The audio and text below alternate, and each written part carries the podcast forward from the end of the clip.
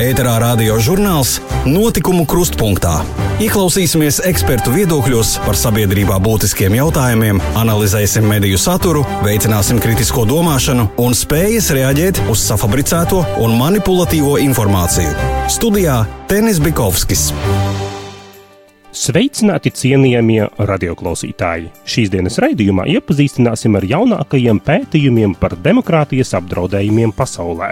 Iztaujāsim laikraksta kurzemnieks galveno redaktori Daigu Bitenieci un RTV vadītāju Ingamāru Vekteri par problēmām, kas skar vietējo un reģionālo mediju attīstību pārlaposim Latvijas preses izdevumus un ieskatīsimies internetu portālos. Savukārt par to, kāpēc svarīga ir mediju pratība, stāstīs kultūras ministrijas mediju politikas nodaļas eksperte Klimta Ločmele. Bet kā vienmēr sāksim ar jaunāko attīstību pie mums un mūsu kaimiņu valstīs - mediju, cilvēktiesību un citās jomās. Pie mikrofona mana kolēģe Laura Sondore Strode. Startautisko notikumu apskats - aktuālā attīstība mūsu kaimiņu valstīs. Kultūras ministrijas mēdīju politikas nodaļas vadītāja Aiga Grišāna nolēmusi atstāt amatu, kļūstot par Eiroparlamentārietes Dācis Melnbārdas palīdzi Briselē. Kas nāks Grišānas vietā, vēl nav zināms. Saimas cilvēktiesību un sabiedrisko lietu komisija lūgs ministru kabinetam precizēt elektronisko plašsaziņas līdzekļu likuma grozījumu likumprojektam pievienoto anotāciju, no tās izņemot sabiedrisko mēdīju izstrādāto tāmi satura nodrošināšanai diasporā. Komisijas vadītājs Artus Skaimiņš norādīja, ka viņa prāt šī tāme ir ļoti uzpūsta. Četriem raidījumiem paredzēti 80 tūkstoši eiro. Arī deputāte Linda Liepiņa uzsvēra, ka tāmas cipari izskatoties diezgan smieklīgi. Finansējuma mērķis ir veicināt ar diasporu saistītu norišu atspoguļošanu, Latvijas radio un Latvijas televīzijas programmas un nodrošināt to pieejamību latviešiem ārzemēs. Kā informē radiostacija Amerikas balss, Baltkrievija un Amerikas Savienotās valstis pēc 11 gadus ilga pārtraukuma vienojušās par diplomātisku attiecību atjaunošanu. Par to kļuva zināms pēc ASV valsts sekretāra vietnieka Dāvida Ksēla vizītes Minskā 17. septembrī. Baltkrievijas prezidents Aleksandrs Lukašenko ir nolēmis arī parakstīt vienošanos ar Eiropas Savienību par ieceļošanas vīzu saņemšanas procedūras vienkāršošanu. Radio Brīvā Eiropa Krievijas nodaļas portāls Radio Svoboda ziņo, ka Tuvas Republikā valsts universitātēm ārvalstu zinātniekiem tikusi liekta iespēja piedalīties starptautiskajā konferencē veltītai dabas aizsardzības problēmām Centrālās Āzijas reģionā, kura notika Republikas galvaspilsētā Kizilā. Kā norāda Radio Svoboda, par iemeslu šādai attieksmē bija Krievijas izglītības ministrijas rīkojums, kas ierobežo Krievijas zinātnieku kontaktus ar ārvalstu kolēģiem. Kā norāda Krievijas Zinātņu akadēmijas institūta pārstāvis, sākotnēji Vācijas zinātnieki tikuši iekļauti konferences programmā kā dalībnieki, tomēr vēlāk sekojuši norādījumi ārvalstu zinātniekus neielaist universitātē Krievijas Zinātņu akadēmijas pārstāvis šo situāciju raksturoja kā šausmīgu apkaunojumu. Krievijas ziņu portāls politsavēt.ru nopublicējis fonda sabiedriskā doma aptaujas rezultātus, kuri vēsta, ka vairāk kā puse, jeb 52% aptaujāto Krievijas iedzīvotāju izteikuši šaubas par valsts masu informācijas līdzekļu objektivitāti. Kā norāda fonda sabiedriskā doma eksperti, šis ir augstākais valsts iedzīvotāju neusticības rādītājs Krievijas masu informācijas līdzekļiem kopš 2014. gada. To respondentu skaits, kuri joprojām tic Krievijas masu informācijas līdzekļu objektivitātei gada laikā sarucis no 45 līdz 34 procentiem.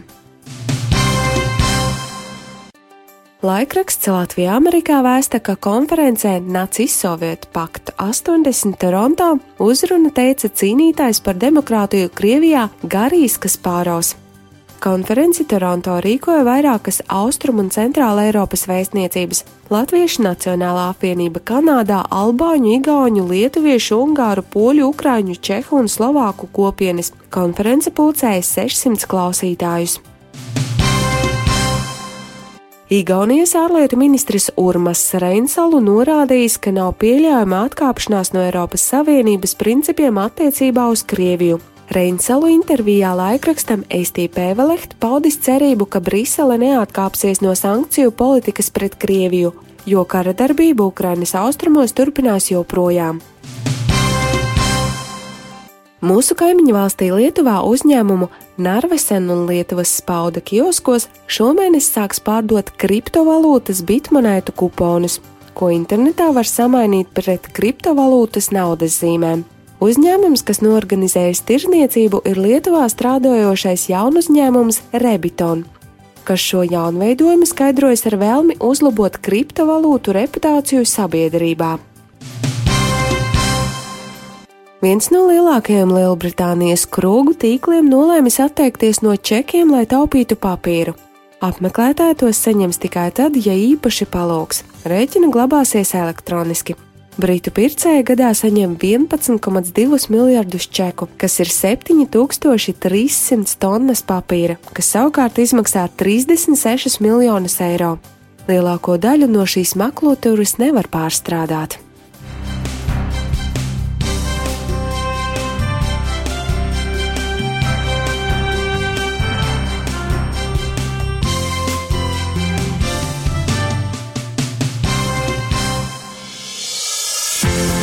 Ēterā radio žurnāls Notikumu krustpunktā.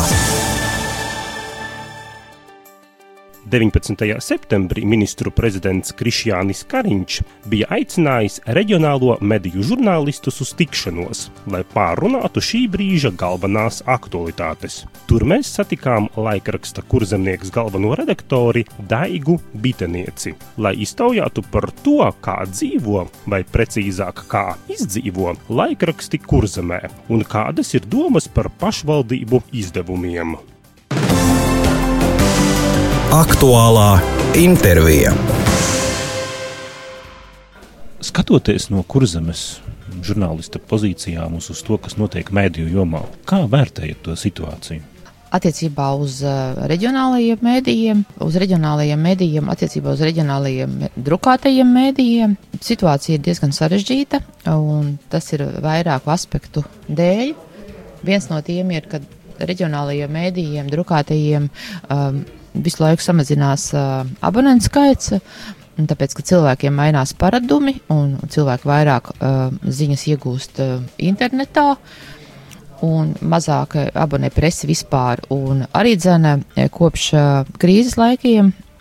Kopš 2008. gada laikiem notika tā, ka ļoti samazinājās arī reklāmas ieņēmumi, Un jāsaka, ka tā situācija šobrīd joprojām ir sarežģīta, un, un šie ieņēmumi, kādi bija 2008. gadā, joprojām nav arī cena uh, atgriezušies, tas droši vien tā arī nenotiks, jo arī reklāma aiziet uz citiem mēdījiem, un tā kā kopumā tā situācija ir sarežģīta. Cik viegli jums ir kurzemē izdzīvot? Kas ir tas uh, ienākuma avots? Uh. -huh. Uh, nu, joprojām vien uzticamie lasītāji, abonenti un tie, kas pērk mūsu laikrakstus, uh, uh, mūsu laikrakstu kurzemnieks uh, kioskos un veikalos un, un degvielas uzpildu stacijās. Uh, otrs ir sludinājuma un reklāma, kas gan, kā es sacīju, ir, ir sarukusi, taču tomēr nu, vēl, vēl ir.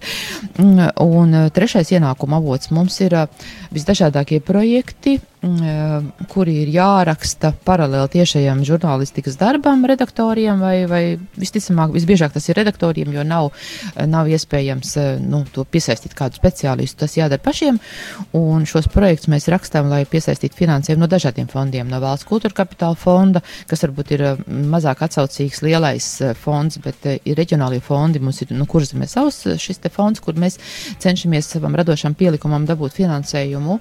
Mēs rakstam arī vidas fondam un sabiedrības integrācijas fondam. Un, protams, nu, tas jūtamākais atbalsts ir pāris gadus pastāv kultūras ministrijas paspārnē mediju fonds, ko izveidoja iepriekšējās kultūras ministrs Dats Melbārdas laikā ar vienu, ar lielu viņas atbalstu, es domāju. Un tur mēs rakstot projekts, iegūstam finansējumu dažādiem tematiskiem pielikumiem, dažādām tēmām, pētnieciskai žurnālistikai. Bet runājot par to finansējumu, kas ir pieejams šiem konkursiem, uh, vai uh, šis finansējums ir pietiekams, un uh, vai var arī redzēt to faktu, ka šis finansējums konkursu kārtībā pēdējos gados ir palielinājies? Nē, tieši otrādi finansējums pēdējā gadā bija mazāks nekā iepriekš, un tur tiešām būtu vajadzīgs, manuprāt, nu, valdības pretim nākšana reģionālajiem mēdījiem un kultūras ministrijas arī sapratne, lai, lai šis finansējums nesamazinātos, un ne tikai varbūt tām publikācijām, bet kā arī uzskata izdevēja asociācija, ka varbūt tas varētu būt tāds stabils, tāds uh, regulārs institucionāls atbalsts, uh, jo uh, mēdījos arī noveco tehnika, tehnoloģijas, un tās ir dārgas, un tas ir arī ļoti svarīgi, lai mēs varētu stiprināt savus mājaslapas un savus portālus, kur lasītāji pāriet varbūt arvien vairāk no drukātā mēdīja un kam ir vajadzīgs finansējums. Un eh, arī cena algas reģionālajos mēdījos žurnālistiem ir ļoti zemas. Tas arī, diemžēl, nav iespējams palielināt. Kaut gan mēs saprotam, kā izdevēji, ka tas ir ļoti būtiski un, lai noturētu labus žurnālistus un īpaši, lai varētu veikāt pētniecisko žurnālistiku, bet tas ir ļoti, ļoti, ļoti sarežģīti to izdarīt. Kāds ir jūsu viedoklis par šiem uh, pašvaldību izdevumiem? Visnotaļ negatīvs, eh, jo pašvaldību izdevumi ir sajaukuši prātus cilvēkiem, un cilvēki bieži vien eh, jauc, viņi reizēm zvana man uz redakciju un saka, jums tur bija rakstīts tas un tas, un kāpēc? Viņi neatšķir, kas ir neatkarīgs eh, izdevums un kas ir pašvaldības apmaksāts izdevums. Diemžēl jā, Diemžēl jā, un tas ir nodarīts milzīgs kaitējums, es domāju, arī demokrātijai, zinot to, ka pašvaldību izdevumi, lai arī varbūt viņi ir krāšņi, saturīgi un plaši un uz labāku papīru nodrukāti nekā e, neatkarīgie reģionālie mēdīji, tie ir tikai vienos vārtos, kā saka, tie ir tāda, tāda saldā dzīve, ja tur ir viss tikai pozitīvs, tur nekad nav rakstīta nekāda problemātika, tur nav diskusijas, tur nav kritikas, protams, jo tas ir saprotams jau pēc definīcijas, tas ir pieru materiāls, tas ir sabiedriskās attiecības, tā nav nekāda žurnālistika, lai arī pašvaldības domā, ka tā ir žurnālistika un piesaista arvien vairāk rakstītājus un fotogrāfus un tā tālāk, un, pār, un tur, diemžēl, pāriet arī kolēģi strādāt no neatkarīgajiem reģionālajiem mēdiem, tā skaitā arī no mana laikraksta ir pārgājuši. Es zinu, Liepais kolēģiem, kur aizgāja arī ļoti labi žurnālisti strādāt uz pašvaldības izdevumu. Vienkārši arī tāpēc, lai iztiktu, lai varētu nopelnīt lielāku algu, lai varētu uzturēt savu ģimeni. Kādiem būtu jābūt soļiem, lai šo mediju telpu ne tikai pie mums, Latvijā un Pierobežā, bet arī visā Latvijā reģionos stiprinātu? Es domāju, viens no tiem ir šis mediju fonda atbalsts, kas ir kultūras ministrijas e, iniciēts un uzturēts, un tas finansējums tiešām varētu varbūt arī augt, ņemot vērā, ka uh, e, mums iekšzemes koprodukts aug un, un, un, un dzīve iet uz augšu. Otrs, es domāju, ir PVN, ko krīzes laikos drukātiem mēdījiem samazināja, palielināja, atvainojos, ko varētu tiešām samazināt, jo ļoti daudzās Eiropas valstīs PVN reģionālajiem mēdījiem ir ļoti mazs, 2-3% vai arī varbūt nav vispār ir atbrīvot no šī PVN. Tas būtu tas būt otrs. Un trešais, ko kas, kas ir arī ļoti svarīgi, lai stiprinātu mēdījus, es domāju, ir tas, kādā veidā žurnālisti izglīto mūsu universitātēs, lai viņiem būtu arī tomēr tādas puslīdz noteiktas prakses reģionos, e, lai žurnālisti atnāktu un saprastu, kas ir, kas ir žurnālistika, lai arī viņi saprastu, kā uztaisīt pētniecisku rakstu, un lai mācītos no vecajiem kolēģiem, kas pagaidām vēl turas, bet drīz vien daudziem tuvojas pensijas gadi, un arī tādi labi rakstītāji reģionos trūkst. Bet kādās domās ir Sijā Vidzemes TV valdes priekšsēdētājs Ingemārs Vekteris, kurš vada pazīstamo RTV? Šveicē valsts atbalstu saņem teju visas vietējās televīzijas. Zviedrijā valsts uztur vietējos laikrakstus. Cik lielam, jūsuprāt, jābūt atbalstam reģionālajām televīzijas platformām un, piemēram, platformai RTV, lai tā sekmīgi varētu attīstīties? Nu, mums ir ieradums valstī teikt tā, paprasa vairāk, dabūs mazāk, bet dabūs. Nu, šobrīd varbūt es ar tādiem ļoti reprezentatīviem datiem nevaru uh, nu, pierādīt to, cik tieši būtu vajadzīgs, bet ņemot vērā pieredzi ar līdzšinējiem projektiem, es varu apgalvot, ka nosaucot summu, kas noteikti cilvēkiem, kuriem ļoti prioritāri ir iztikas līdzekļi un, un lietas, kas ir svarīgākas par iespējams televīzijas skatīšanos, izdzirdot skaitli ap viens miljons, šķitīs ārprāts, kas tā ir par summu, bet katrā ziņā ar šādu skaitli operējot, mēs varam runāt par kvalitatīvu reģionālo saturu, jo nav noslēpums, ka liela daļa reģionālo televīziju un arī producentu grupu ir savā ziņā fanāti savam darbam, un iespējams, ka to darbu, ko viņi velta ikdienā un gatavo šo reģionālo informāciju, nu, attiecīgi nemaz nevar tādā naudas izteiksmē adekvāti šobrīd novērtēt. Mēs neesam sabiedriskais mēdījis, līdz ar to mēs no valsts nesaņemam nekādu garantēto dotāciju. Tā summa, ko mēs izcīnām projektos, tā nu ir kā nu kuro gadu izdodas, jo cenšamies, protams, gan mēs, Vidzemes televīzija un kanāls RTV, gan arī kolēģi citās reģionālās televīzijās šādu finansējumu saņemt, bet šim finansējumam ir tāda uh, īpašība, ka viņš nav garantēts. Līdz ar to, ja raidorganizācija, kas algo darbiniekus, pērk tehniku, domā par ilgtermiņa investīcijām, gribētu attīstīties daudz spēcīgāk un kļūt žurnālistikas ziņā neatkarīgāka, tad, protams, būtu jārunā par finansējumu, kurš ir plānots kaut vai uz nākamajiem nu, trīs vai pieciem gadiem, kas arī ļauj šiem reģionālajiem mēdījiem plānot savu attīstību un domāt par to, kādu saturu auditorijai veidot, un, protams, būt arī finansiāli šajā gadījumā neatkarīgiem no satura pasūtītājiem, ja vien tādi ir. Tā tad eh, jūs sakat, ka, lai veidotu pēc iespējas neatkarīgāku saturu un arī sabiedrībai nozīmīgāku saturu, kurš arī varbūt risinātu daudzus problēmu jautājumus, ir vajadzīgs finansējums. Nu, televīzija, kā jebkura uzņēmējas darbības nozara, bez finansējuma nu nekā nevar. Jo, lai arī ir labas ziņas, ka tehnoloģijas kļūst pieejamākas cilvēkiem, tomēr uh, satura ražošana prasa arī ievērojams profesionālos cilvēku resursus, kas, protams, maksā un maksā ar vien dārgāk. Un, ja mēs šeit runājam par žurnālistu žurnālistikas nozari kā tādu un runājam par žurnālistikas kvalitātes celšanu, tad viennozīmīgi nozarē nepietiks tikai ar vienu sabiedrisko kanālu, kurš izcīnīs iespējams sev lielu budžetu un labas algas, lai saglabātu mēdīju daudzveidību un arī šajā ziņā mēs būtu konkurenti. Mums ir jādomā arī par žurnālistikas attīstību reģionos, ko lielā mērā var nodrošināt arī reģionālās un vietējās televīzijas, kas viennozīmīgi labprāt piesaistītu jaunus kadrus, nodrošinātu viņus ar darba vietām un strādātu kā pilnvērtīgi uzņēmumi.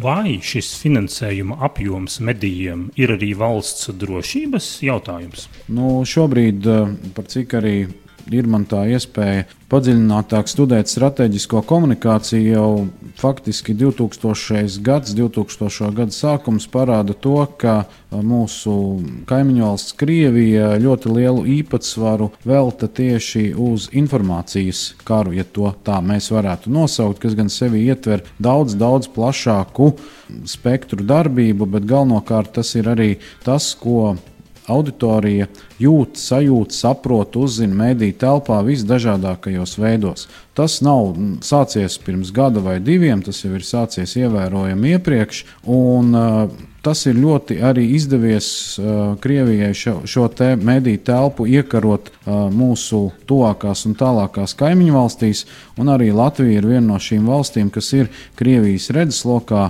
Mediju telpa, mūsuprāt, Latvijā šobrīd ir pietiekoši nestabilā situācijā, atļaušos teikt, jo apdraudējums ir caur šo finansiālo ilgspējību, jo šobrīd noteikti daudzi komercmediji nepiedzīvo tos labākos laikus, kādi ir bijuši līdz šim, jo patērētāju uzmanība sadalās uh, gan starp lineārajiem mēdījiem, gan starp interneta mēdījiem. Šobrīd, uh, ja mēs salīdzinām sevi no tāda konkurences viedokļa pret Krievijas mēdījiem, noteikti mēs esam ne pārāk labā pozīcijā. Ēterā radio žurnāls Notikumu krustpunktā.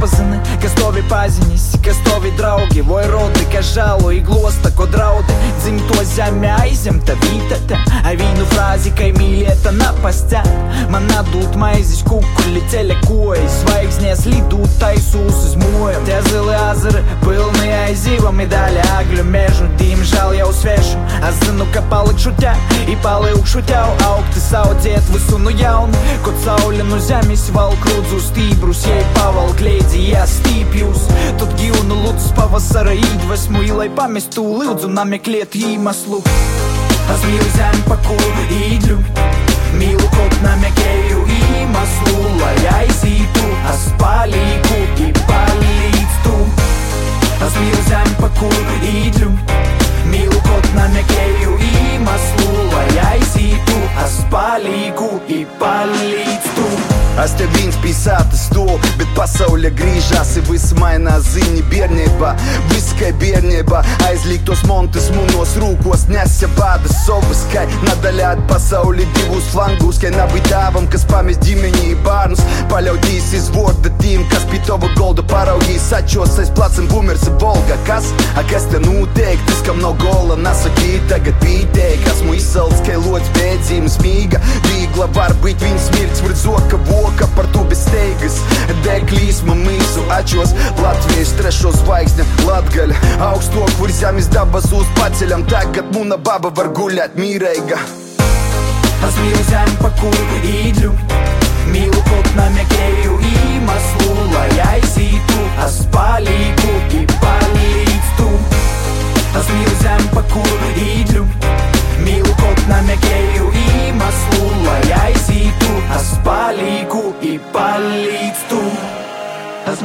Ям покуру и иду.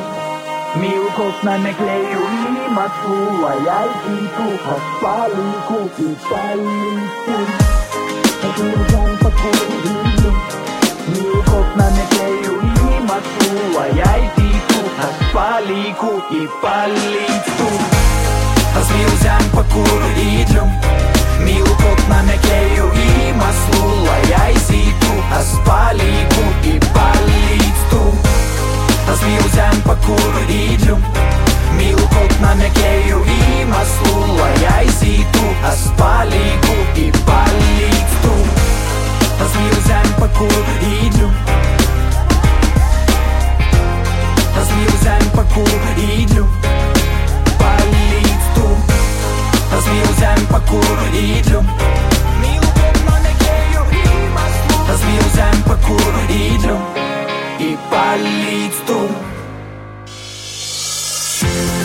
Ēterā radio žurnāls Notikumu krustpunktā. Bet tagad ieskatīsimies Latvijas raksturošajos medijos, kas ir bijis un ir ievērības cienīgs. Latvijas preses apskats. Ko lasām, par ko diskutējam? Laikraksts Latvijas laiks vēsta, ka no 27. līdz 29. septembrim notiks plašas zemesargu mācības zobens 2019. Mācību mērķis ir pārbaudīt vienību gatavību, plānot un īstenot aizsardzības un aizkavēšanas operācijas, kā arī kaujas apbūvētā vietā. Lauka taktiskajos vingrinājumos Krustpils novada Kūku pagastā, Rušonas pagasta Bašķos, Vārkavas pagasta Pilišķās, Daugavpils novada Nīdzgalas pagastā un Vaboles pagasta Meža Mackevičos piedalīsies vairāk kā tūkstots karavīru, zemesargu, robežsargu un policistu.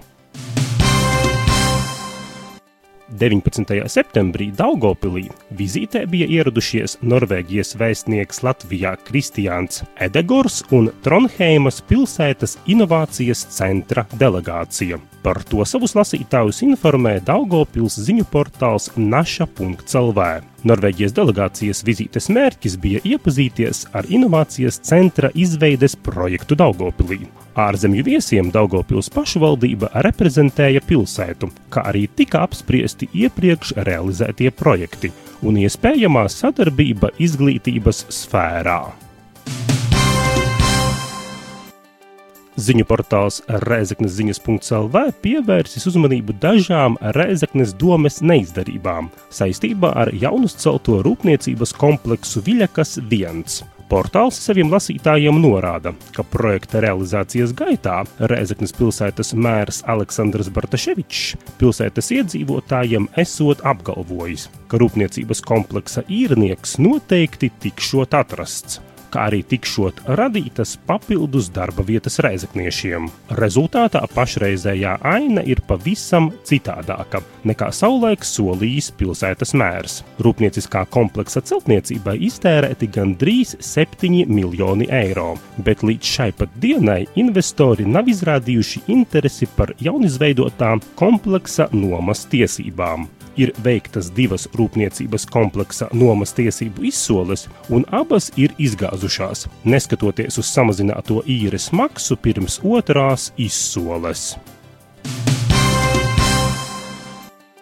Laikraksts Brīvā Daugava informē, ka brāļu skrindu atašienes vidusskolā šajā mācību gadā vidusskolas desmitās klases audzēkņiem stundu sarakstā būs jauns mācību priekšmets - valsts aizsardzības mācība. Kā stāsta skolas direktore Līga Zalāne, šis priekšmets tiks mācīts sadarbībā ar aizsardzības ministriju, un tā pasniedzējs šajā vidusskolā būs Zemesardzes 56. kājnieku bataljona štāba jaunsargu instruktors Normunds Pastars bet laikraksta Reizeknas vēstis žurnāliste nevarējusi ticēt savām acīm. Tai pretī pa trotuāru braucis Reizeknas domas priekšsēdis Aleksandrs Bartaševičs ar elektrisko skrejriteni. Izrādās, ka Bartaševičs jau divas nedēļas lietojot skrejriteni, jo viņu ģimene esot tikai viena automašīna, un ar sievu nekatreiz sakrītot grafiki un maršruti. Tāpēc viņš esot sev iegādājies šādu transporta līdzekli. Savukārt ziņu portāls Daugopils ziņas.lv uzdevis lasītājiem jautājumu, pēc kādiem kritērijiem jūs izvēlaties produktus. 44% atbildēja, ka pēc produktu sastāva, 25% pērkot to, kas lētāks, 14% dot priekšroku dabīgiem produktiem, 11% atbalstot vietējos ražotājus, bet 7% izvēloties tos produktus, kuru iepakojums vizuāli atgādinot PSRS laikus. Ēterā radio žurnāls Notikumu krustpunktā. Raidījuma tālākajā gaitā pievērsīsimies jaunākajiem pētījumiem par demokrātijas apdraudējumiem pasaulē. Turpina Laura Sondore Strode. Tikai 20 pasaules valstīs joprojām darbojas patiesi demokrātiska pārvaldes sistēma. Šo valstu iedzīvotāju skaits kopumā sastāda tikai 5% no kopējā zemes iedzīvotāju skaita liecina Lielbritānijas analītisko pētījumu kompānija Economist Intelligence Unit pētījuma demokrātijas indeksa rezultāti. Eksperte Fiona Maki secina, ka ja valdības nerealizēs to politiku, kuru no tām vēlas sagaidīt elektorāts, vēlētāji zaudēs uzticību demokrātijai, kas savukārt radīs nopietnas problēmas, Par deputātiem pirmkārt kļūst cilvēki ar augstāko izglītību un tie, kuri var atļauties nodarboties ar politiskām aktivitātēm, secina Kaselas Universitātes politoloģijas fakultātes zinātniskais pētnieks Normans Tīdemans. Šāda disproporcija vērojama ne tikai Eiropas parlamentos. Visās demokrātiskās valstīs, neatkarīgi no tā, vai tās tiek kvalificētas kā valstis ar pilnīgu vai daļēju demokrātiju, parlamenta sastāvs neataino sociālo struktūru valstī. Pēc Tidemana domām šīs fakts ietekmē valdību vai parlamentu pieņemtos lēmumus. Ievēlētie deputāti, kuriem jāpārstāv visu sociālo slāņu intereses, bieži vien pieņem lēmumus, kuri neatbilst zemākā vai vidējā valsts iedzīvotāju slāņu interesēm. Un tam ir savs rezultāts. Daudziet novērojama iedzīvotāju zemā aktivitāte vēlēšanās, jo iedzīvotāji jūt, ka viņu balsīm nav nekādas ietekmes, Kā piemērs tiek minēts Maskavas municipālās vēlēšanas, kurās elektorāta aktivitāte bija vien 22%. Turpretim nesenajās Brandensburgas un Saksijas zemju parlamenta vēlēšanās elektorāta aktivitāte bijusi virs 60%. Kā liecina Economist Intelligence Unit pētījuma rezultāti, vēlētāju uzvedībā ir vērojamas sociālās atšķirības. Pēdējo desmit gadu laikā apkopotie pētījuma rezultāti par vēlētāju aktivitāti liecina, ka cilvēki ar zemākiem ienākumiem un izglītību savas konstitucionālās tiesības izmanto retāk. Pētnieki min arī diskriminācijas faktu, kuri attiecas uz vēlētāju vecumu. Lielāko daļu valstu vēlēt drīkst pilsoņi, kuri sasnieguši 18 gadu vecumu, tomēr ir izņēmumi. Piemēram, Melnkalnē drīkst vēlēt arī personas, kuras ir sasniegušas 16 gadu vecumu un kurām ir darba līgums. Savukārt Indonēzijā vēlēt drīkst tikai tās personas, kuras atrodas laulībā. Praktiski visās valstīs balsot liekts viestrādniekiem, izņemot Čīlē, Urugvajā, Jaunzēlandē un Āfrikas valstī Malāvijā, kur parlamenta vēlēšanās drīkst piedalīties arī patstāvīgi valstī dzīvojoši viestrādnieki. Savukārt sieviešu īpatsvars pasaules valstu parlamentos pēdējos gados sasniedzis 20% līmeni. Ēterā radio žurnāls Notikumu krustpunktā. Daugopils Universitātē 30. septembrī divos dienā notiks amerikāņu medīpratības un dezinformācijas ekspertes Katjas Voktas lekcija Vokta pašlaik strādā starptautiskajā attīstības un izglītības organizācijā IREX Vašingtonā. Viņas izstrādātā programma tika izmantota Ukrainā, Serbijā, Tunisijā, Jordānijā, Indonēzijā un ASV. Kāpēc tad mediju pratība mūsdienās ir tik svarīga? Šo jautājumu uzdevām Kultūras ministrijas mediju politikas nodeļas ekspertei Klintai Ločmelei. Nākamajās minūtēs par Latvijas mediju vidi. Vai mēs dzīvojam divās informācijas telpās? Kā atzīt maldinošās fotogrāfijas un video? Kā darbojas ziņu aģentūras? Kas ir sabiedriskais pasūtījums? Kādas funkcijas veic mediju pārvaldes institūcijas un interešu pārstāvniecības? Šīs un citas interesantas tēmas tavai mediju prātībai. Um, mediju pratība ir kļuvusi svarīga vairāku iemeslu dēļ. Gan tāpēc, ka šī prasme ir nozīmīga gan cilvēkam individuāli, viņa dzīvē pieņemt tādus pārdomātus lēmumus, gan arī tā ir ļoti būtiskā valstiskā mērogā, kaut vai demokrātijas pastāvēšanai, ka cilvēks pieņem pārdomātus lēmumus, dodoties pie vēlēšanu urnām. Un, uh, arī jēdziens viltus ziņas būtībā jau nav nekas jauns. Arī agrāk, pirms daudziem gadsimtiem, uh, karaļi izdomāja iemeslus, kāpēc viņi ir pārkāpuši piemēram, citas valsts robežu, bet šobrīd viltus ziņām palīdz izplatīties, protams, mūsu modernie saziņas rīki, internets, sociālie mēdīji, dažādas saziņas lietotnes, ar kurām tad ļoti straujā brīdī, ļoti ātrā tempā var izplatīt kādu vēstījumu lielam cilvēku lokam. Un, ja šis vēstījums tiek pasniegts tādā sensacionālā veidā ar nosaukumu, piemēram, tu nekad neticēsi, kas notika pēc tam, vai baisa avārija tur un tur, tad, protams, cilvēks ir tendēts uzklikšķināt uz šīs informācijas, atvērt šo informāciju, izlasīt, un lai neļautos dažādām manipulācijām, lai neļautos tikt apmuļķots ar dažādiem reklāmas solījumiem, pseidozinātnes rakstiem, kas piedāvā izārstēt smagas veselības problēmas, sēdot tikai ķiploku, piemēram, vai arī dzen, lai neļautos kādai ārvalstu propagandai, tad ir ļoti būtiski audzēt sev šīs medīpratības prasmes, izvērtēt informāciju ne tikai mēdī, mēdījos, bet arī citu vietu, kaut vai YouTube vidē, skatoties video un allaž padomāt, kas stāvēs tā vēstījuma, vai tā informācija tiešām ir sabiedrības interesēs, vai tur aizmugurē ir kāds, kurš ir bijis, nu, tā teikt, kuram, kura interesēs ir tas, lai tā informācija izskanētu tādā vai citādā veidā. Ēterā radio žurnāls Notikumu krustpunktā. Vēl tik jāpiebilst, ka aktuālās medīpratības un medīpolitikas tēmas, viedokļu raksti un skaidrojumi atrodami LV portāls LV sadaļā Tavai medīpratībai. Savukārt ar raidījuma notikumu kruspunktā redakciju varat kontaktēt rakstot mums e-pastu uz info dkradio.lv. Visu labu mūsu klausītājiem abos Daugavas krastos novēlu es, Tenis Bikovskis, uz sadzirdēšanos jau nākošnedēļ.